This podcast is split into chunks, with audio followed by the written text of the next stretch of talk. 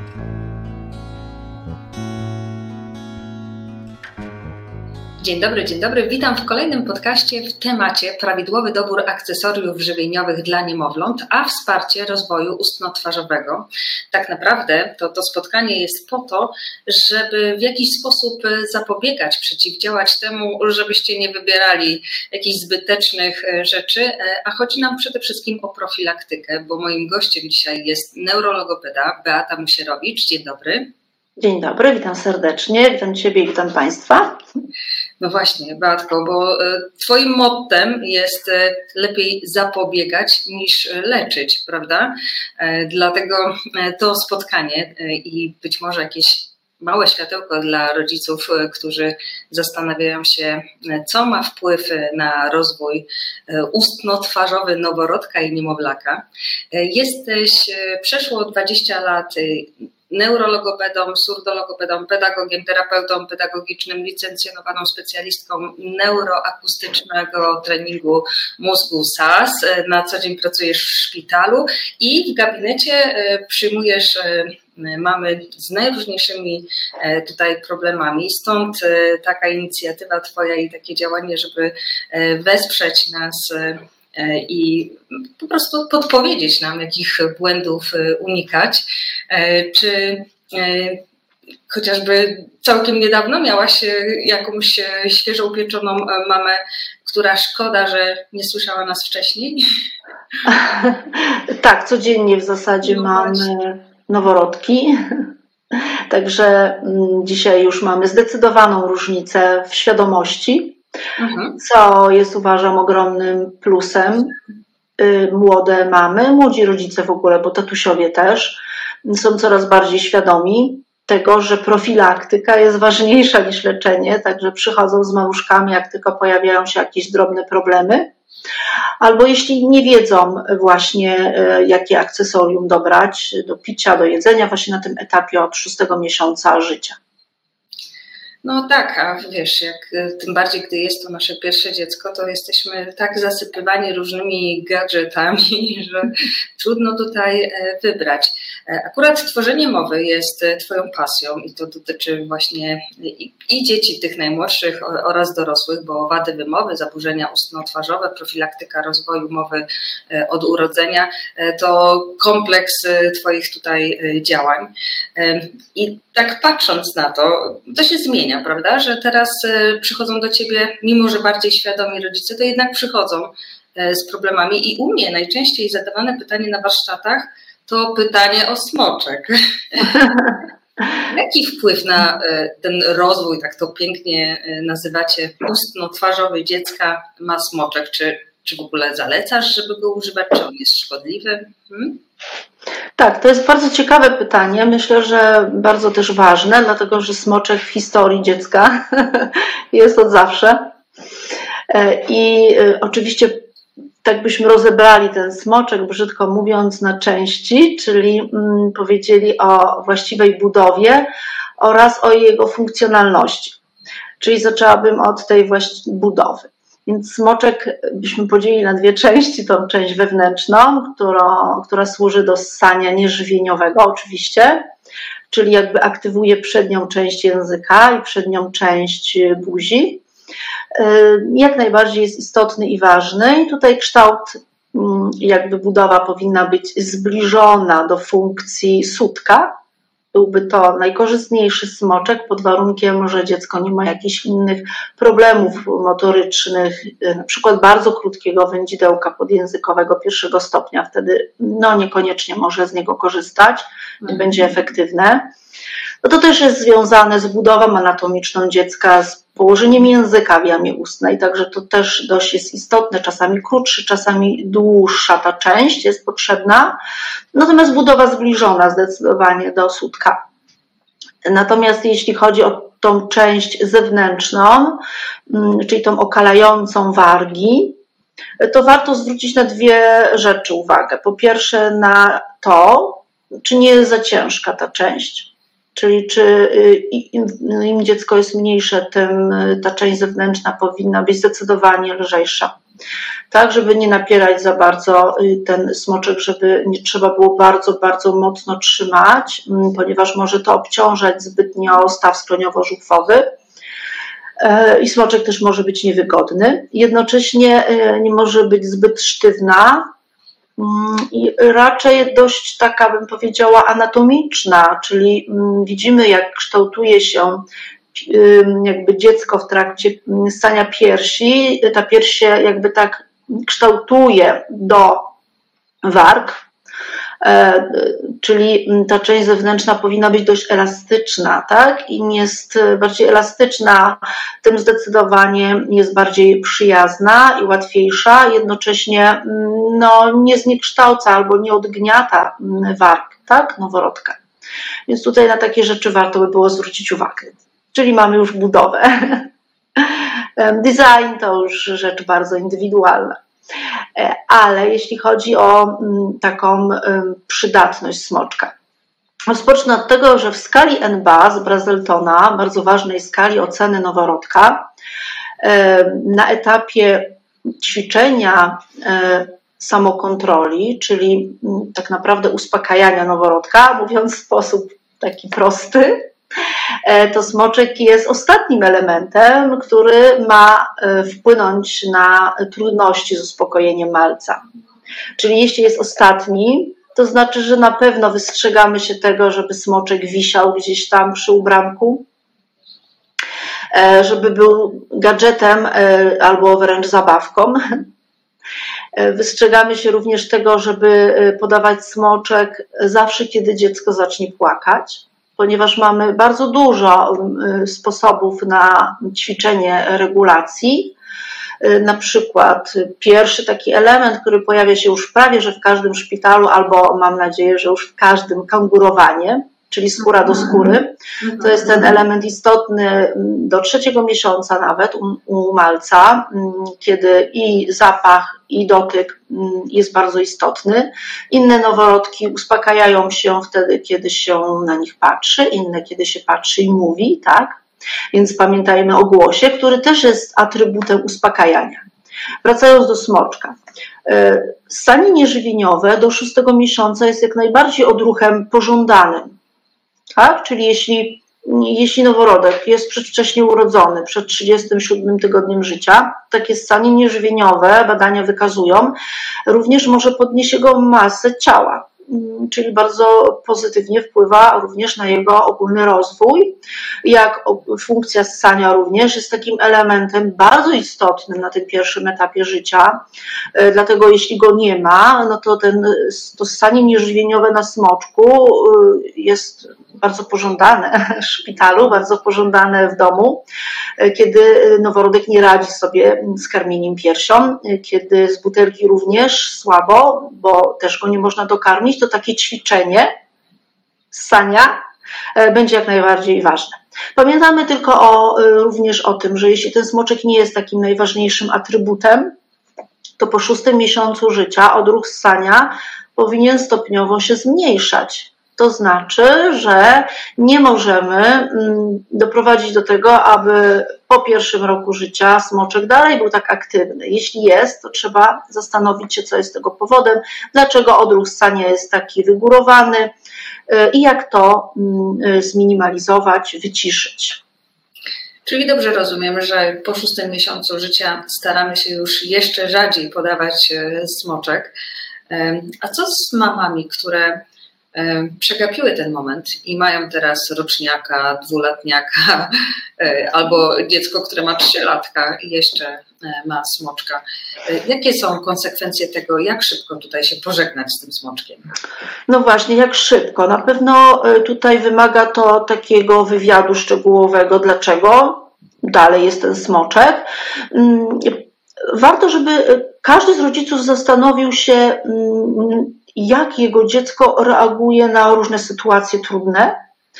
E, najczęściej powodem mm, jeszcze dalej tego odruchu ssania przetrwałego, pierwotnego, bo ssanie jako takie towarzyszy nam całe życie, ale to pierwotne, nierozdzielonych ruchów mm, na podniebieniu, e, dotyczy dzieci, które mają bardzo duże problemy z samoregulacją tak? Czyli bardzo szybko się denerwują, bardzo są emocjonalne, tak? Czyli tutaj ten proces samoregulacji niestety nie został wytrenowany. Rada wielka, ograniczyć ilość bodźców, mhm. czyli jeśli mamy dużo bodźców, jeśli dziecko ma dużo zabawek w pobliżu, mm, e, miejsca, w którym jest, w którym przebywa, mm, jeśli jest więcej niż dwie, trzy naraz wyjęte, to ograniczyć te bodźce do maksymalnie trzech i poczekać kilka miesięcy, tak, i w taki sposób się bawić z dzieckiem, hmm? żeby mógł jednak ćwiczyć sobie tą samoregulację. Elementem samoregulacji jest ćwiczenie koncentracji i uwagi, tak? Czyli takiego spokoju. A jakie są ewentualne konsekwencje tego, że no dziecko cały czas ma smoczek y, aż po trzeci rok życia? Mm, różne, różne. No na pewno przełykanie dorosłe się nie kształtuje, tak? Na pewno łuk zębowy może być nieprawidłowy, szczególnie te górne ząbki.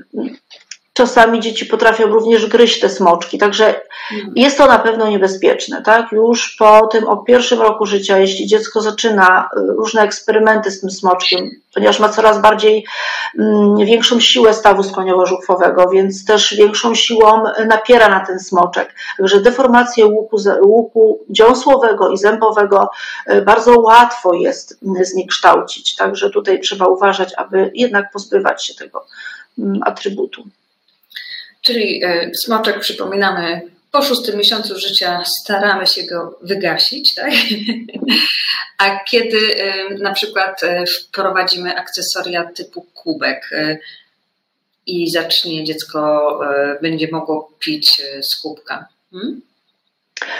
To jest związane właśnie z tą dojrzałością motoryczną jamy ustnej, bo szósty miesiąc to jest taki krytyczny, ciekawy miesiąc, bo ich siedzenie się pojawia i pierwsze pokarmy się pojawiają. I teraz pytanie, no i co dalej? Pojawiają się pokarmy. E, najczęściej no to oczywiście jest pokarm papkowaty, chociaż dzisiaj też e, mamy korzystają z metody BLW, e, i tutaj chciałabym wrócić do takiego akcesorium, które no, też nam towarzyszy od zawsze. Jest to łyżeczka. Mhm. I teraz tym elementem łączącym okres sania piersi i w ogóle tego jedynego pokarmu y, z pokarmem stałym i w tym wypadku z piciem jest łyżeczka. Czyli dziecko od takiego szóstego miesiąca na, na pewno powinno otrzymywać pokarm z łyżeczki, y, bo to w prostej linii już w dziewiątym, dziesiątym miesiącu doprowadzi do tego, że dziecko może pić już z kubka. Może, tak? Jeśli wszystkie funkcje motoryczne są na poziomie, e, czyli oczywiście nie mamy jeszcze w pełni stabilnej żuchwy, ale kiedy już te odruchy po szóstym miesiącu kąsania, e, ważny odruch, który powinien wygasnąć, mm, e, go nie ma, czyli nie łapie zębami, tylko stara się złapać wargami ten kubek, to jak najbardziej mm, na tym etapie możemy już podawać picie z kubeczka. Ważna rzecz, żeby ten kubek nie był za duży, może być kubek skośny. E, można oczywiście również y, mm, stosować y, kubki mm, inne, y, prostsze, takie z jakimś blokowaniem picia. E, wszystko jest uzależnione. Tak, są takie kubki. Kubki treningowe? Kubki treningowe, tak. Jest tego bardzo dużo na rynku. Jest również kubki z słomkami, e, także wszystko jest możliwe pod warunkiem, że dziecko jest w stanie po pierwsze złapać odpowiednio słomkę, mhm. jest w stanie odpowiednio złapać kubek e, wargami e, i jest w stanie również odpowiednio poruszyć mm, głową, tak? Czyli no, musi umieć nachylić w jedną i w drugą stronę głowę, i w tym czasie nie opuścić żuchwy. Czyli wszystko jest tu uzależnione tak naprawdę od tego, czy ta dojrzałość motoryczna się pojawi w porę. No właśnie, kubki kubkami, ale wcześniej powiedziałaś łyżeczka. Ja bym się jeszcze w tym temacie zatrzymała, bo na rynku też jest mnóstwo łyżeczek. Czym się kierować, wybierając tą łyżkę i, i jak dokładnie e, jej używać, bo to też jest chyba bardzo istotne. No tak, łyżeczka na etapie mm, nauki picia to oczywiście y, dziecko w momencie, kiedy podajemy łyżeczkę. Łyżeczka powinna być tak troszkę dostosowana do wielkości, tak naprawdę szerokości warg dziecka, mojego dziecka E, czyli jedne dzieci mają e, szersze usta, drugie dzieci mają węższe usta. I ta łyżeczka powinna no nie być w tym wypadku, kiedy chcemy dziecko nauczyć posługiwania się łyżeczką, bardzo głęboka i nie powinna być bardzo szeroka. Mm, I dziecko powinno umieć po prostu y, cofnąć dolną wargę i górną wargą zebrać pokarm. Mhm. Czyli y, pamiętajmy o tym, że y, nie staramy się dziecku na etapie uczenia z łyżeczki, jeśli to jest możliwe, jeśli to jest możliwe, tak, ułatwiać, czyli podnosić łyżeczkę. Tak, jeśli podnosimy łyżeczkę, to niestety górna warga nie pracuje. Mhm. E, czyli e, to dziecko samo sobie aplikuje tą łyżeczkę, tak? E, no, myślę, że ten pierwszy proces to jest taki, że mama podaje łyżeczką pokarm. Mhm. Oczywiście dziecko od 6, 7, już 9 miesiąca bardzo lubi manipulować łyżeczką, więc może mieć też swoją. Mhm. Ale właśnie mm, praca na tej łyżeczce z pokarmem papkowatym, nie za gęstym, ale takim, żeby też nie spływał z łyżeczki, umożliwia pracę warg, odpowiednią naukę, która jest prototypem do łapania e, brzegu kubka. E, bywa tak, że czasem e, mamy zniecierpliwione, że dziecko, kurczę, no znowu nie chce jeść, próbuje tą łyżeczką wręcz otworzyć buzię.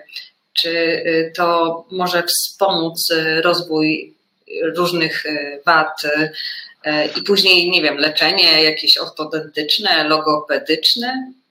Mhm. Takie otwieranie łyżeczką buzi y, dla dzieci, które nie chcą jeść. Tak, to trzeba się zastanowić raczej e, nad odpowiedzią na pytanie, dlaczego dziecko nie chce jeść. Nigdy nie wpychamy dziecku pokarmu do buzi. Mhm. Z wielu względów, również i psychologicznych, jest to niewłaściwe ale z, oczywiście też mm, z punktu widzenia motoryki buzi nie bardzo, dlatego że mm, proces jakby jedzenia jest pewnym y, schematem bardzo ważnym i w procesie pobierania pokarmu, na przykład w tym wypadku z łyżeczki, o czym rozmawiamy, mhm. E, ważne jest, aby buzia otworzyła się, czyli żeby dziecko świadomie otworzyło buzię i utrzymało żuchwę do podania tego pokarmu. Tak? Utrzymanie żuchwy jest podstawą w ogóle do wszystkich funkcji, nie tylko żywieniowych, ale i mownych. Więc jakby takie treningi uczenia tej funkcji są bardzo istotne z punktu widzenia motorycznego, jakbyśmy się tylko zastanowiły nad tym elementem.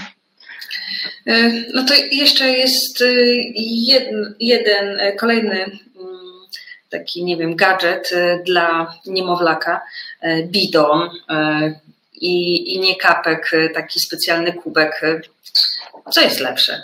Czym tu się kierować w wyborze takich rzeczy? Co jest lepsze? Ja bym jakby mm, nie mogła odpowiedzieć na to pytanie, co jest lepsze. Na pewno y, najlepszą rzeczą jest pamiętanie o tym, że dojrzałość przełykowa kształtuje się na prawidłowym przełykaniu z prawidłowego, normalnego kubka. Tak? Czyli może być mniejszy, ale taki, jakim my się posługujemy z kubka.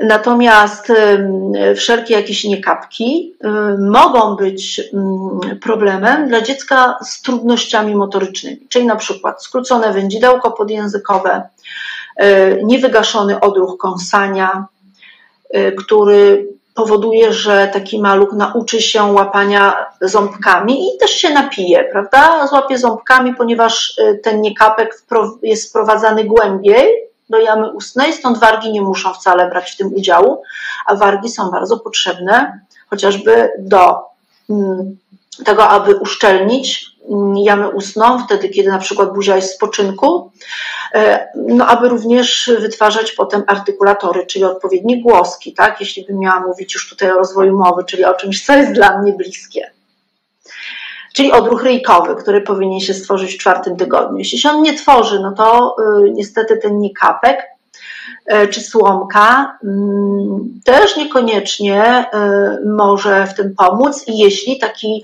maluch nie umie pić prawidłowo ze słomki, tak? Czyli ta dojrzałość jest niewłaściwa albo po prostu nie ma tej dojrzałości na odpowiednim etapie, czyli po pierwszym roku życia dziecko powinno już te funkcje mieć na tyle zbudowane, że nie pije ciągle z kubka dorosłego, ale umie się z tego kubka napić, mm, umie z niego skorzystać wtedy, kiedy wszyscy jedzą posiłek, tak? Po prostu siedzą przy stole i on wtedy to trenuje. Dziecko półtora roczne te funkcje powinno mieć już opanowane. E, a kiedy e, dziecko je już e, sztućcami, nie tylko łyżeczką, ale pozostałymi sztućcami? No właśnie, tutaj y, trudne pytanie. Na pewno łyżką jak najwcześniej. Oczywiście też zwrócić uwagę na to, jaka to jest łyżka, jaka, czy dziecko może samodzielnie nią operować, nie za długa, nie za ciężka.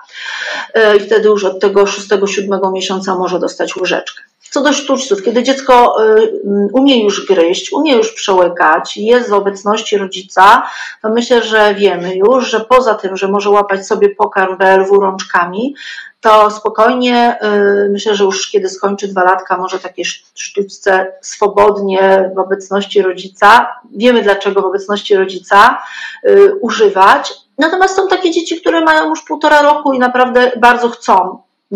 Przy rodzicu używać jakiegoś tam bardziej tępego widelca. Więc jeśli rodzice są bardziej otwarci i nie boją się, że dziecko na przykład nie jest nadaktywne, tak? Bo jeśli mamy takie dziecko nadaktywne, które się nie może skupić, tak? I boimy się, że ten widelec wyląduje w oku, e, czy, czy w ogóle gdzieś tam się dziecko pokaleczy, no to tutaj metodą prób i błędów po prostu z punktu widzenia bezpieczeństwa mm, myślę, że będziemy ten proces trochę opóźniać. Ale na pewno trzyletnie dziecko to już jest takie dziecko, które idzie do przedszkola i ma już sztuczce. Beatko, dzięki Twoim rekomendacjom i w ogóle pracom, bo e, pracujesz nad projektem, e, gdzie e, też i zajmujesz się recenzją i rekomendacją różnych akcesorii do jedzenia, do picia, które wspierają prawidłowy rozwój obszaru ustno-twarzowego, tak? To się tak fajnie nazywa. No, zyskujemy tutaj wiedzę. Na koniec poproszę Ciebie o takie podsumowanie smoczkowo-łyżeczkowo-kubeczkowe. I, e, I pewno widzimy się w kolejnym odcinku, prawda? No, jeśli mnie tylko zaprosisz, Dorotko, oczywiście jak najbardziej, bardzo chętnie. Co ja bym tu chciała na koniec powiedzieć? O tym, że mm, warto jest obserwować etapy rozwoju motoryczne. Czyli pamiętać o tym, że jeśli mamy ten smoczek, to ten szósty miesiąc to jest takim miesiącem, kiedy zapala mi się czerwona lampka i zastanawiam się, na ile go często używam. Na ile moje dziecko ma ukształtowaną już samoregulację, dlatego że w drugim roku życia będzie bardzo potrzebna samoregulacja, żeby nie było e, takich wpisów, jak mamy czasami gdzieś tam mm, na blogach piszą, że nie mogę dać sobie rady z moim malcem. Więc jeśli ten proces będzie wcześniej rozpoczęty samoregulacji, to kiedy ten smoczek już przestanie być w ogóle używany, to pojawią się histerie, jeśli nie będzie tej samoregulacji. Jeśli dziecko nie będzie w stanie odpowiednio pić e, z kubka, no to też y, będzie przedłużał się taki proces mm, picia na przykład z niekapka, który niekoniecznie może być korzystny dla przełykania, dla zamknięcia buzi czyli mm, dziecko też nie będzie do końca samodzielne, prawda? No bo jeśli, mm, jeśli musi zawsze pić z niekapka, to jeśli y, i na przykład nie potrafi się samodzielnie napić z kubka, no to wiadomo, że ten kubek nie będzie mógł y, być wykorzystywany, a wiemy, że dziecko bardzo chce naśladować wszystko to, co robią osoby dorosłe i chcą być mm, y, dzieci jak najbardziej samodzielne. Pomagajmy w samodzielności, nie wyręczajmy, Czyli jeśli stosujemy długo e, takie rzeczy, które widzimy, że niespecjalnie dobrze, że dziecko rozlewa, że dziecko nie domyka warg, to warto się skonsultować, warto mm, dowiedzieć się, co zrobić, udać się do specjalisty, e, ponieważ profilaktyka naprawdę daje efekty. Mhm. Wtedy zapobiega różnym problemom, czy to ortodontycznym, e, czy mm, logopedycznym a nawet i laryngologicznym wtedy, kiedy buzia jest domknięta. Bardzo dziękuję za tą rozmowę. Neurologowa ja Beata Musierewicz i do zobaczenia w kolejnych odcinkach. Dziękujemy bardzo. Do zobaczenia, pozdrawiam.